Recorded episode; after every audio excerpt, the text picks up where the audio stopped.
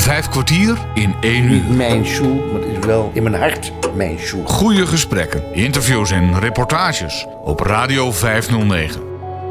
Met gastheren Bas Barendrecht en André van Kwaabegen. Hallo en welkom terug bij Vijf kwartier in een uur. De komende uitzendingen staan in het teken van de synagoge, ook wel Sjoel genoemd, in Enschede. Bas neemt een kijkje in dit imposante gebouw, spreekt daar met de vrijwilligers en reisde af naar Amsterdam om Jaap Hartog, voormalig voorzitter van de Joodse gemeente in Enschede, aan de tand te voelen over deze synagoge en het Joodse geloof. Deze week hoor je naast Jaap Hartog een aantal vrijwilligers die werkzaam zijn in de Sjoel. Welke impact de oorlog had op het beleiden van het geloof en verneem je welke feestdagen het Jodendom heeft. Zometeen begint Jaap Hartig over de restauratie van de synagoge, maar gaan we nu nog even terug naar de Tweede Wereldoorlog. In de oorlog werd de synagoge gebruikt als onderkomen van de gevreesde Duitse Sicherheidsdienst, de SD.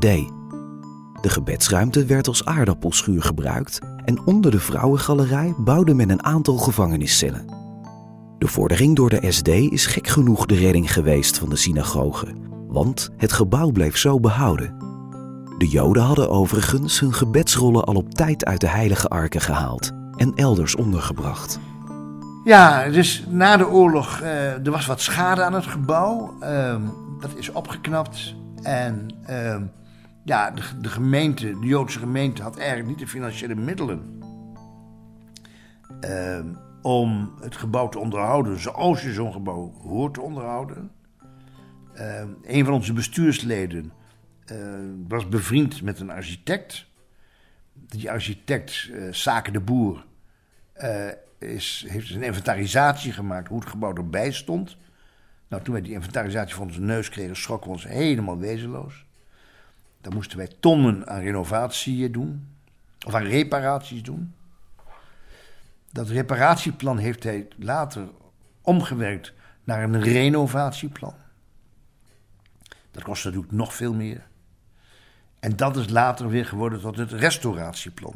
Toen wij eenmaal uh, Rijksmonument werden en dus konden gebruik maken van een krediet vanuit de overheid, uh, of een gif vanuit de overheid kan ik beter zeggen.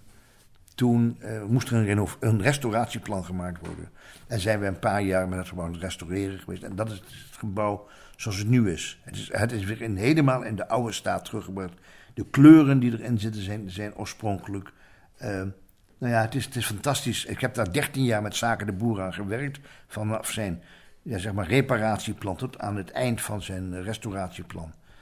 En ja, dat was geweldig om dat project mee te maken. Met hulp van twee oud-burgemeesters. Of één zittende burgemeester en een oud-burgemeester. De zittende burgemeester Jan Mans was toen in Enschede wel ook nog wel bekend van de vuurwerkramp. En daarvoor was de burgemeester, maar die was in Enschede blijven wonen, Co Wieringa. Die zat bij ons in het dagelijks bestuur van de restauratiecommissie. En daar een aantal bekende Enschedeers omheen. Um, de net overleden Ferry Fransen bijvoorbeeld, van, van, van Arken vroeger zat, zat er in het comité. En nog een aantal van dat soort mensen die heel veel connecties hadden. En ja, het was overweldigend de hulp die wij kregen als Joodse gemeente om het gebouw te restaureren. Uh, het geld stroomde binnen. Het is niet te geloven. We hebben een totaalbedrag van 3,5 miljoen besteed aan het gebouw. We kregen 1,1 miljoen van, van de overheid. De gemeente Enschede heeft ons enorm geholpen financieel. De provincie Overijssel heeft dat ook gedaan. De Twente is monumentenarm, Enschede zeker. Uh, ook al door de stadsbrand die daar geweest is, is Enschede uh, monumentenarm. Dus de gemeente Enschede had allerlei potjes voor monumenten. En die hebben ze ja, gelukkig besteed, mede besteed aan de synagoge. Dus zodoende hebben wij dat gebouw kunnen restaureren.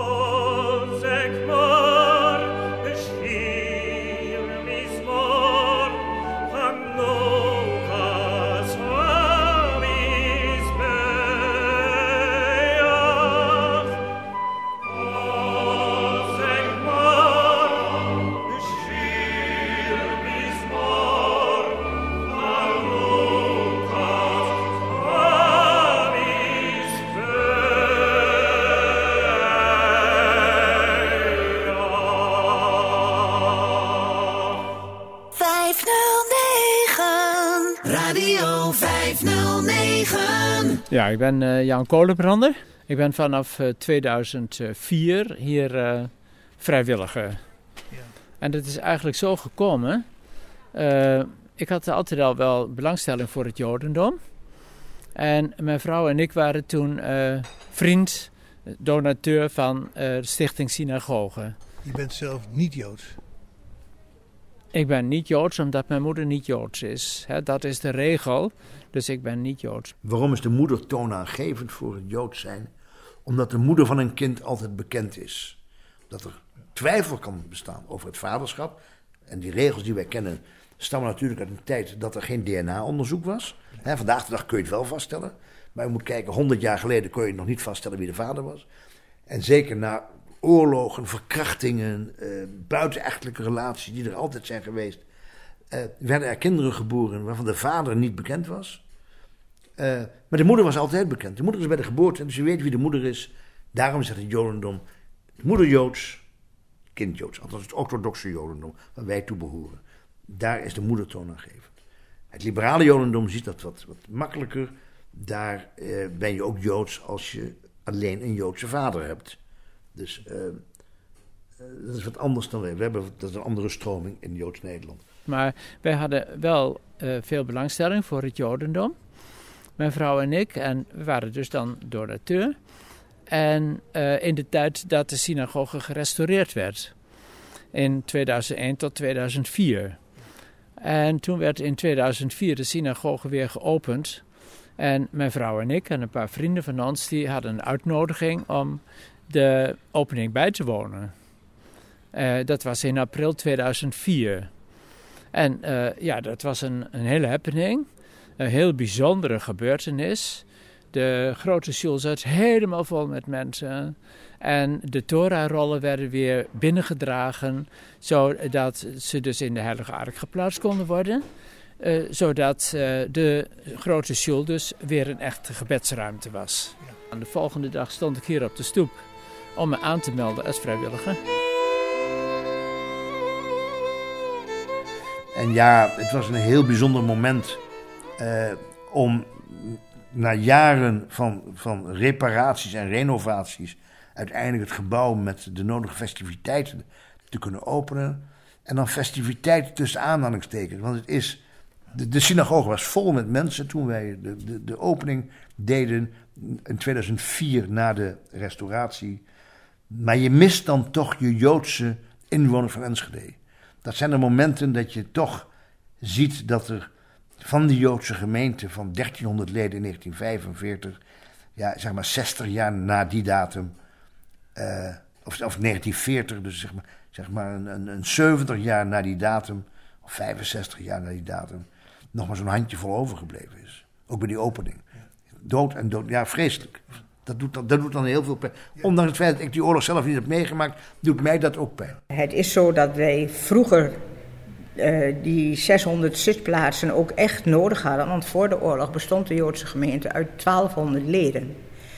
Helaas zijn daar 700 van vermoord en na de oorlog bleven er nog maar 500 over.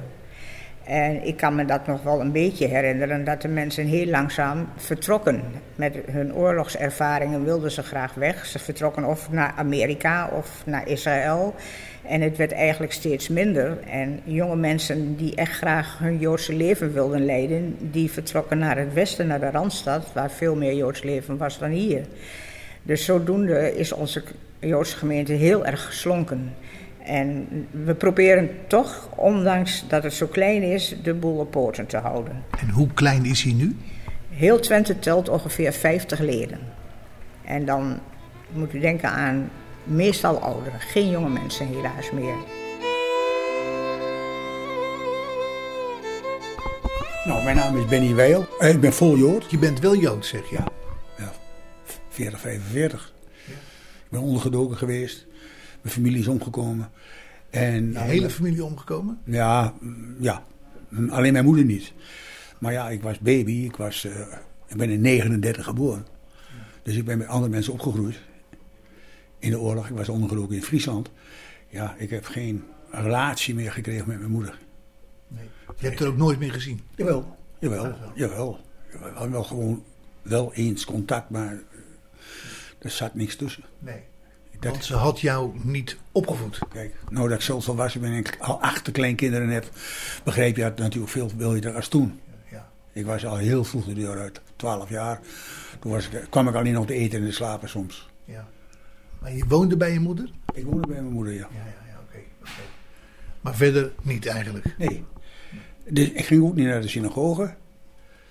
Eh, in tegenstelling stuurde mijn moeder als kleinkind mij naar de, naar de zondagsschool. Wat ik absoluut niks begreep. Maar later kwam ik twee keer in de vakantiekolonie terecht.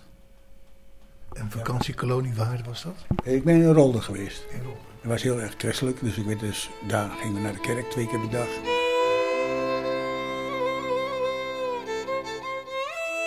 Bas Barendrecht spreekt met Jaap Hartog en een aantal vrijwilligers in en over de synagoge in Enschede. Maar goed, het is, het, is, het is en blijft een prachtig gebouw waar. Ja. Je zou moeten doen. wat ze jaren geleden na de oorlog in Leeuwarden hebben gedaan. De Joodse gemeente Leeuwarden had een prachtige synagoge. En die hebben de synagoge overgebracht naar Israël.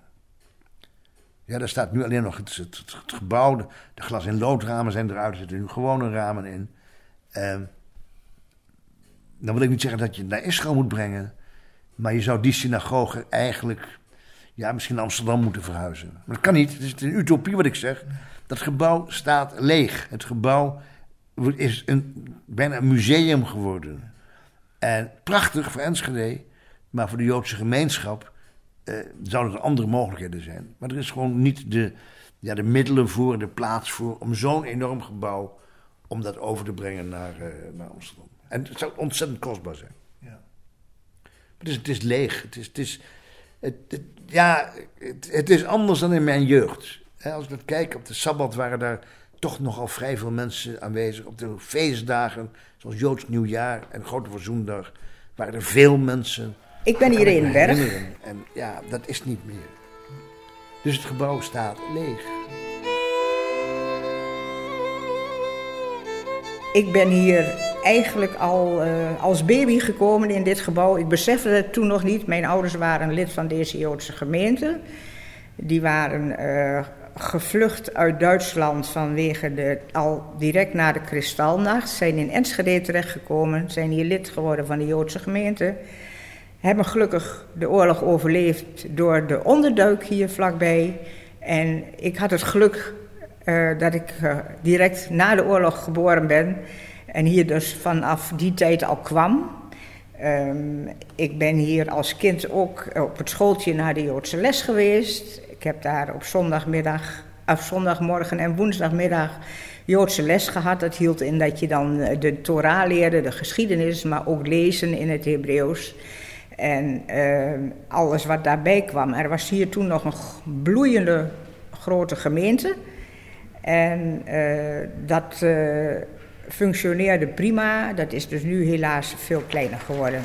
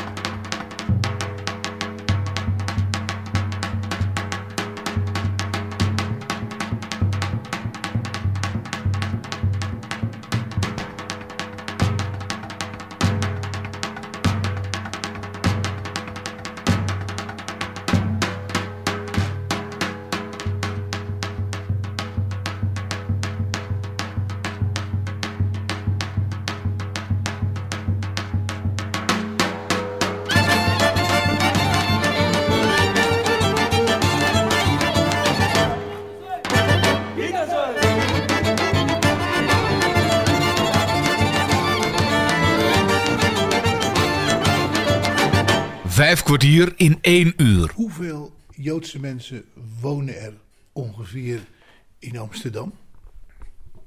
Nou, ik heb ze nooit geteld. Ehm, ik, ik wil het liever landelijk zeggen. Eh, volgens de telling, die er een aantal jaar geleden gedaan is, zouden er tussen de 45 en 50.000 Joden in Nederland eh, wonen. Ehm, dat zijn Joden die door geboorte Jood zijn. Ehm, je bent Jood als je een Joodse moeder hebt. Ehm, er zijn dus 45.000 Joden in Nederland.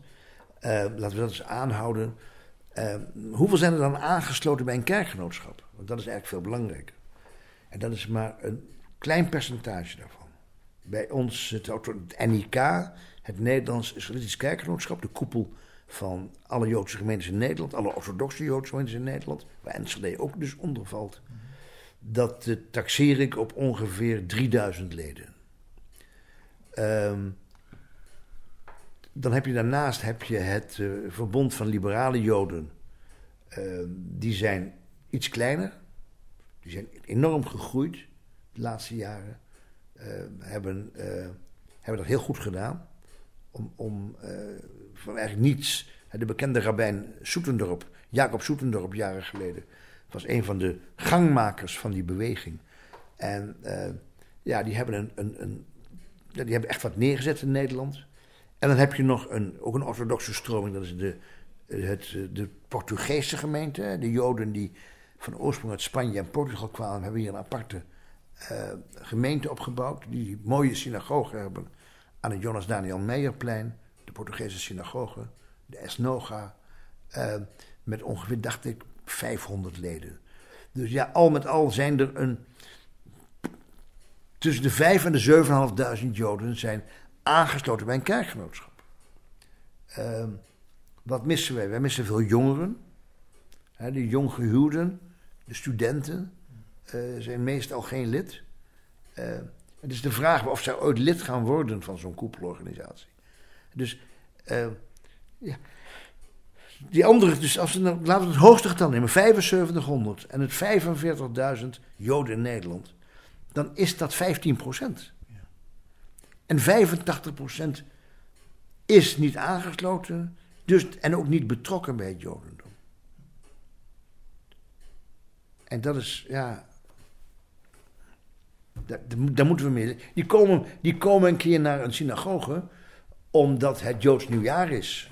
Want de kerkdienst is openbaar. U kunt ook bij onze synagoge binnenlopen. U bent niet Joods. En uh, als u zegt van ik wil uh, met Joods nieuwjaar ga ik naar een synagoge toe, dan laten ze u toe.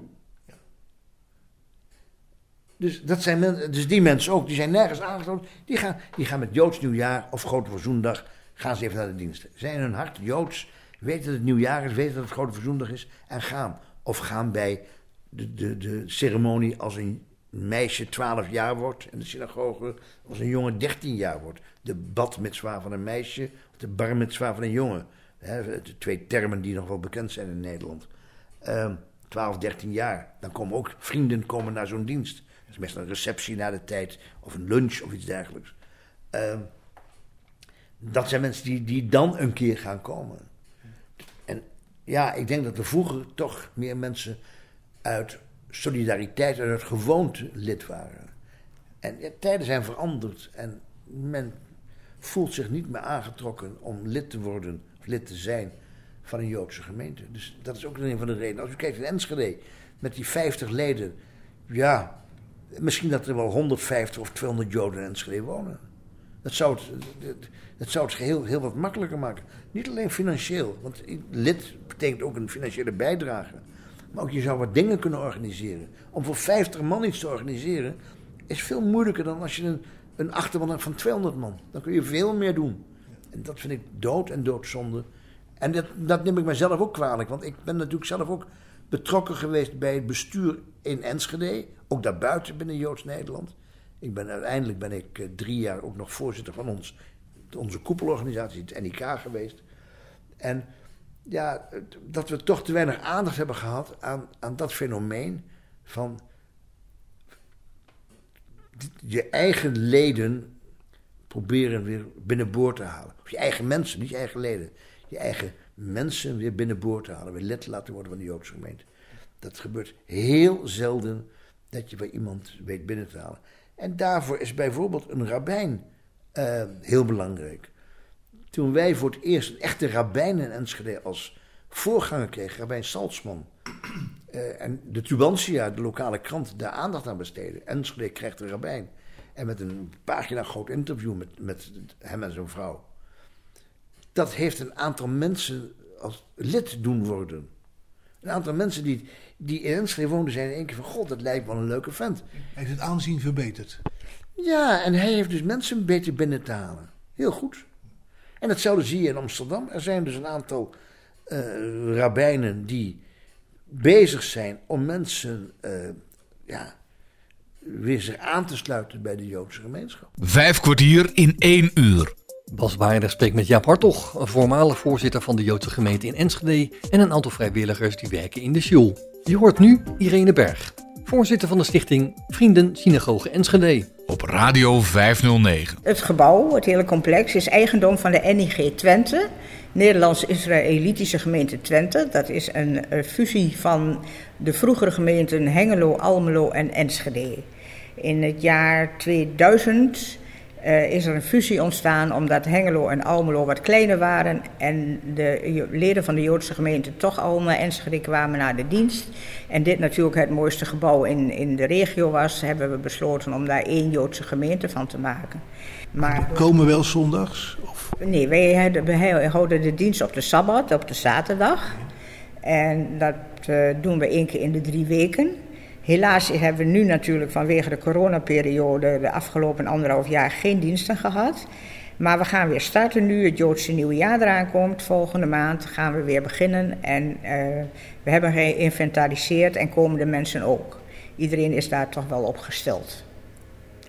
En wat wij dus naleven hier, zoals ik al zei, een uh, orthodoxe Joodse gemeente.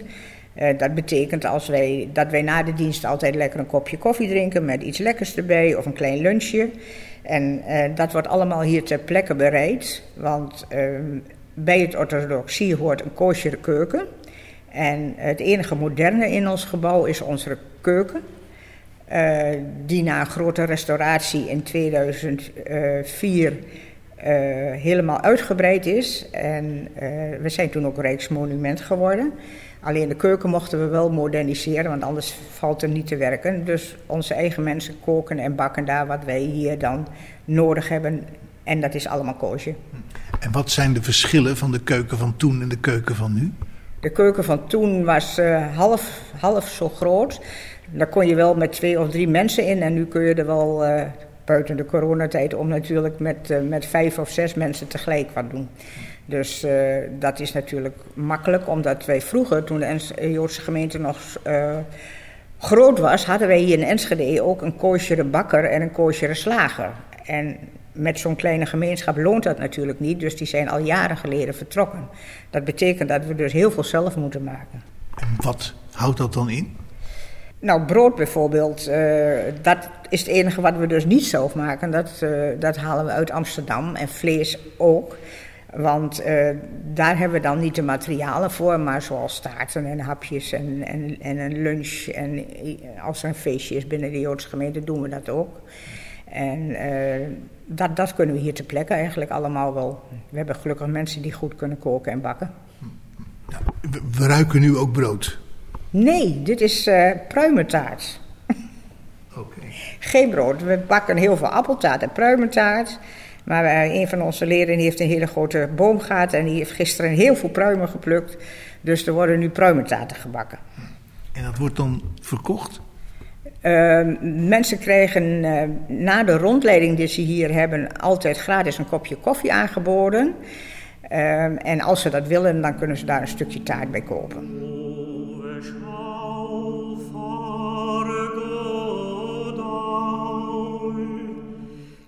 Oh.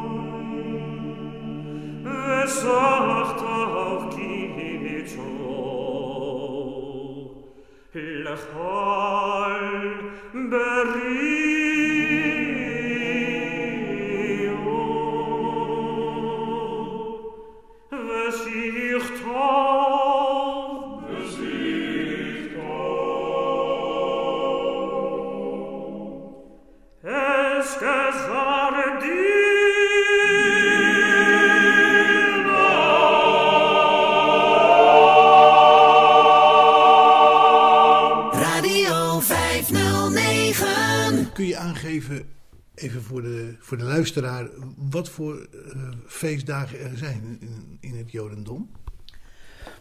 Nou, dan beginnen we met het Joods Nieuwjaar.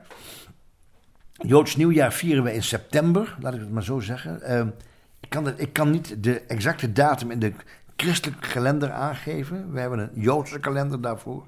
Het is de eerste en de tweede dag van de maand Tishri. Dat is het Joods Nieuwjaar.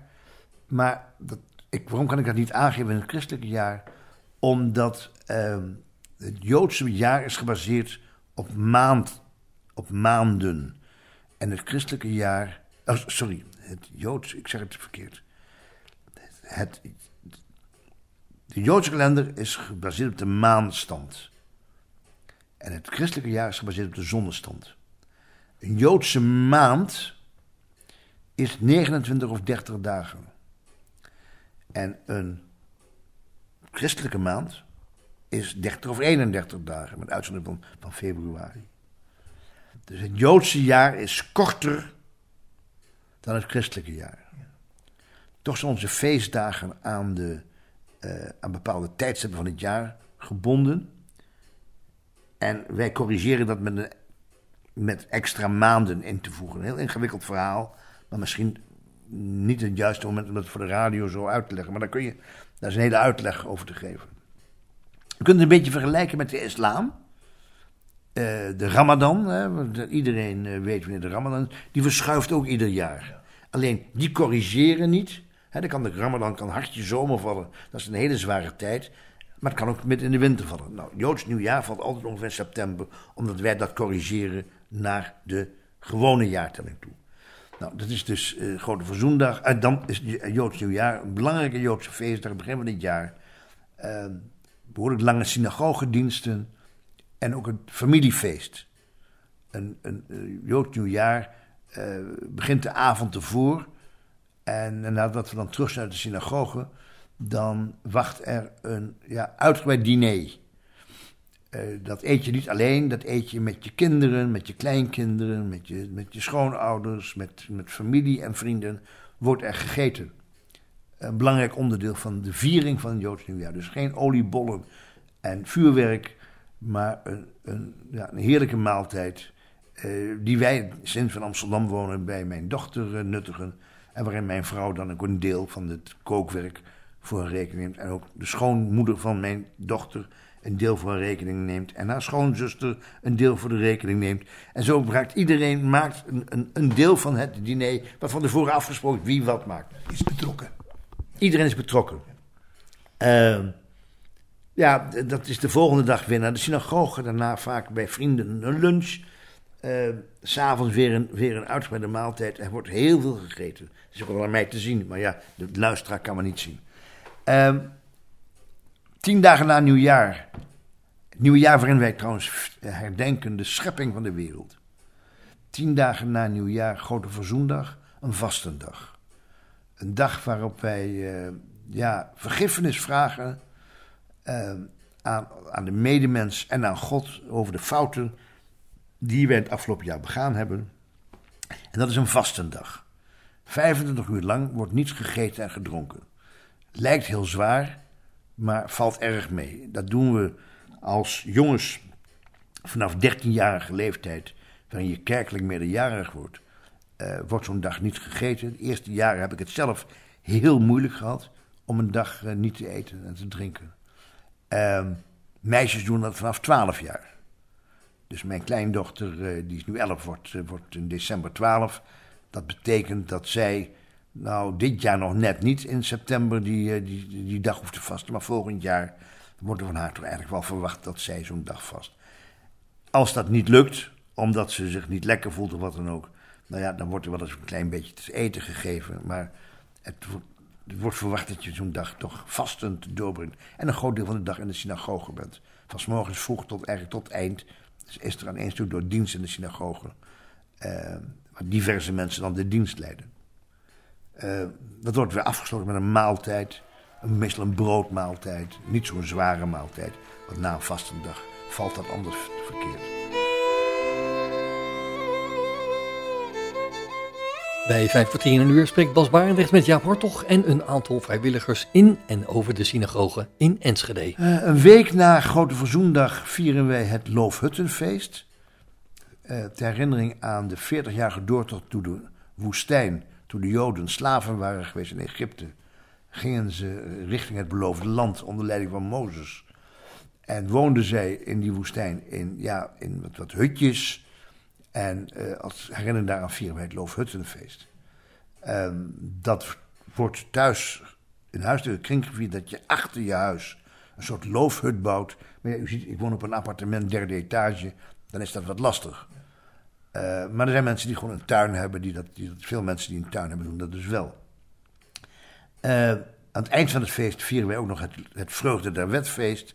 Dat is de dag dat wij onze Torah, de vijf boeken van Mozes, uitlezen en opnieuw beginnen.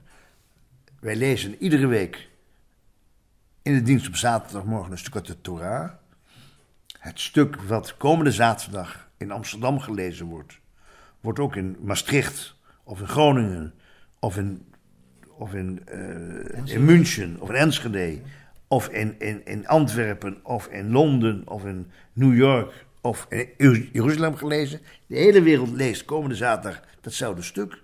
En we zijn allemaal, dat, waar we komende zaterdag stoppen, gaan we volgende week zaterdag weer verder. Over hetzelfde stuk, zodat we allemaal gelijktijdig klaar zijn. Dat is het vreugde der wetfeest. Dan vieren wij dat we de Torah uitgelezen hebben, de, vijf boeken van Mozes. En in diezelfde dienst beginnen we weer opnieuw. Want er zal nooit een eind komen aan dat voorlezen. Dus dat wordt iedere week in de, in de, in de dienst gedaan. Dat is de wetfeest. Dan hebben we als belangrijke feestdagen, uh, ga ik door naar het paasfeest, het Joodse Pesachfeest. Wat herinnert aan de uittocht uit Egypte. Dat vieren we in april. Uh, waarin wij uh, acht dagen geen brood eten. Heel veel andere producten gewoon eten, maar geen brood. Niets wat gerezen is. Brood, brood rijst. En daarom eten wij die bekende matzes. Ja. Dat is ongerezen brood. Dat is alleen maar water met meel. Wat binnen een bepaalde tijd gebakken moet worden. En waar in Enschede, vlak bij de synagoge, de bekende Hollandia-fabriek staat. zonder daar reclame voor te maken. Iedereen kent ze. In de supermarkt zijn ze te koop. Maar ook hier in de synagoge zijn ze te koop. Daar worden kosheren matzes gemaakt. Dat zijn die beroemde oranje kleine pakken en de oranje grote pakken. Die matzes die worden uh, het hele jaar door gegeten. Uh, vooral in de Joodse traditie uh, worden ze met name gegeten in de tijd van Pesach. En dan zijn de matzes dubbel kosher. Dat betekent dat er dan twee rabbijnen komen om het hele proces van bakken van die matzes bij te wonen. Zodat ze kunnen zien dat het echt heel erg goed kosher voor Pesach is. Die matzes, die worden, zoals ik al zei, overal verkocht. Maar juist in de Pesach-tijd worden ze voor heel Nederland en ook daarbuiten via deze synagoge verstuurd naar de mensen die die matzes in huis willen hebben. Ook dat, weer door, ook dat wordt weer door onze vrijwilligers gedaan. En dan zie je hier in de synagoge, onder de trappen, in de hal, in de bezoekersruimte, in, de, uh, in het kantoor zie je, bij het schooltje zie je enorme stapels grote dozen staan met matzes, dubbel koosje voor Pesach. En die worden van hieruit dan verstuurd in overleg en in samenwerking met de matsenfabriek.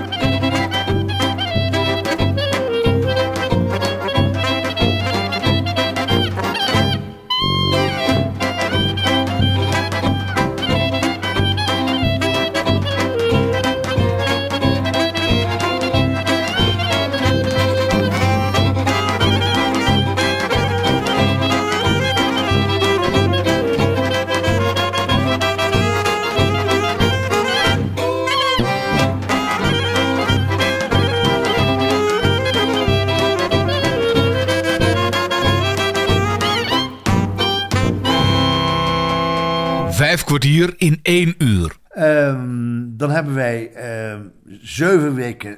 Hebt u na Pasen Pinksteren? Nou, dat hebben wij ook. Alleen wij noemen dat dan het wekenfeest uh, Shavuot in het, uh, in het Hebreeuws. Het, uh, op Shavuot gedenken wij dat wij de tien geboden kregen. En dan hebben we de belangrijke feestdagen gehad. Dat zijn er ook nogal wat.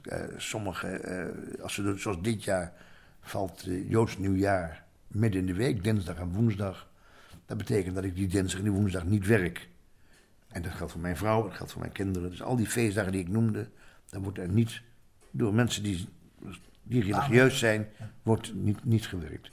Uh, dan hebben we nog een aantal minder belangrijke feesten. In december het Chanukka-feest, waarin we die achtarmige kandelaar aansteken. Wat herdenkt dat er uh, dat de, uh, de, de eerste tempel, nadat de eerste tempel verwoest was, en men de tweede tempel wilde herbouwen. En in die tempel brandde altijd de, de achtarmige kandelaar. En daar had je speciale olie voor nodig. En die had men niet. Men vond alleen nog één kruikje olie.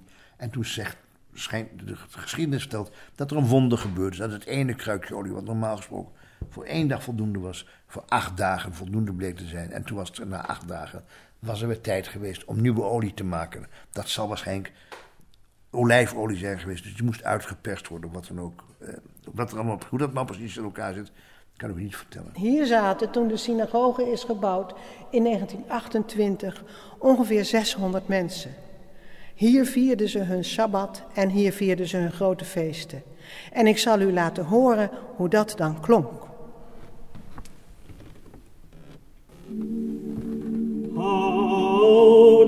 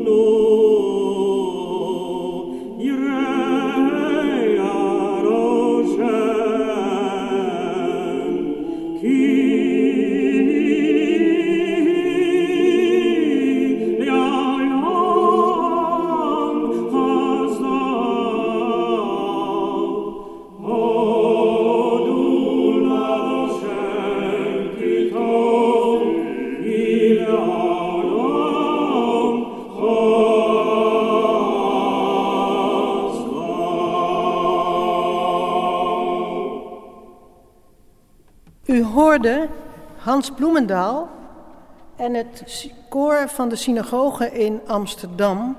En ze zongen Hodu en dat is een lied dat gezongen wordt bij het Chanukka-feest. Dan heb je nog het, in maart het Purimfeest. Uh, het Purimfeest dat herinnert aan uh, de, de, geschiedenis van koningin Esther in Perzië. De Joodse prinses, de Joodse vrouw die met de koning trouwt daar. En daarmee de Joden in Perzië gered heeft. En dan heb je nog een aantal vastendagen in het jaar. Uh, die ook allerlei verbonden zijn met geschiedenis uit het verleden. Uh, de verwoesting van de tempel, uh, de verwoesting van Jeruzalem. En zo zijn er een aantal feesten in de loop van het jaar. En natuurlijk de terugkerende Sabbat iedere dag. Hè, met het werkverbod van de Sabbat. het, het, het rust hebben op de Sabbat. Ehm, daar waar je nu vooral vandaag de dag de 24-uurs-economie. Je, veel mensen zeven dagen in de week in de weer zijn. als religieuze Jood stopt dat op vrijdagmiddag. Stop je met werken op vrijdagmiddag. En heb je een dag rust. Die eindigt pas weer zaterdagavond bij volslagen duisternis. Een dag waarin je rust hebt, waarin je naar de synagoge gaat, waarin je thuis met je gezin bezig bent, waarin je leest, uh, tot rust komt. En uh, ik hou me daaraan. Ik, uh, ik werk absoluut niet op de sabbat. wij, wij, zijn veel thuis, wij ontvangen veel mensen hier wel. Wij gaan op bezoek bij, hier zeker in Amsterdam, waar je op loopafstand van elkaar woont. Gaan we mensen wel op bezoek, eten bij elkaar. En uh, ik vind het een verademing dat je één dag in de week hebt. En zo is het ook bedoeld, denk ik. Dat je niet zeven dagen in de week bezig moet zijn. Wat de zondag was in de christelijke kerk. En wat ik me vroeger in mijn jonge jaren herinner. Dat er ja, mensen waren die op die zondag absoluut niet werkten. Geen auto gebruikten. Niet, nou ja, niet gingen sporten. Niet gingen winkelen uh, niet gingen winkelen, is dat langzaam maar zeker verschuift dat. De winkels moesten met alle wat op zondag open.